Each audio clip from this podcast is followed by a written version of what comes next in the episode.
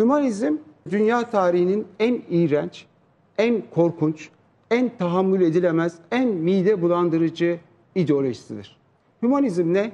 Merkeze insanı koyuyor. Merkeze insanı koyduğunuzda da bütün varlıkları ona hizmet etmek için kullanıyor. Mesela şu anda dünyada 600 bin kedi var. Ama 40 bin kaplan kaldı.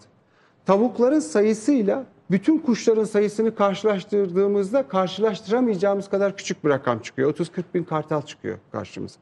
Ağaçları, hayvanları, memelileri hepsini yok eden bir ideolojiden bahsediyoruz. Ve bunu ne için yaptı? Merkeze insanı koydu.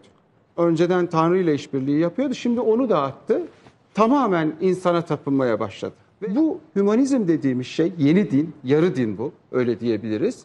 Çünkü bir ideoloji sunuyor ve bununla bizim mutlu olacağımızı iddia ediyor ama hiç öyle görünmüyor. Durum kötüye gidiyor yani.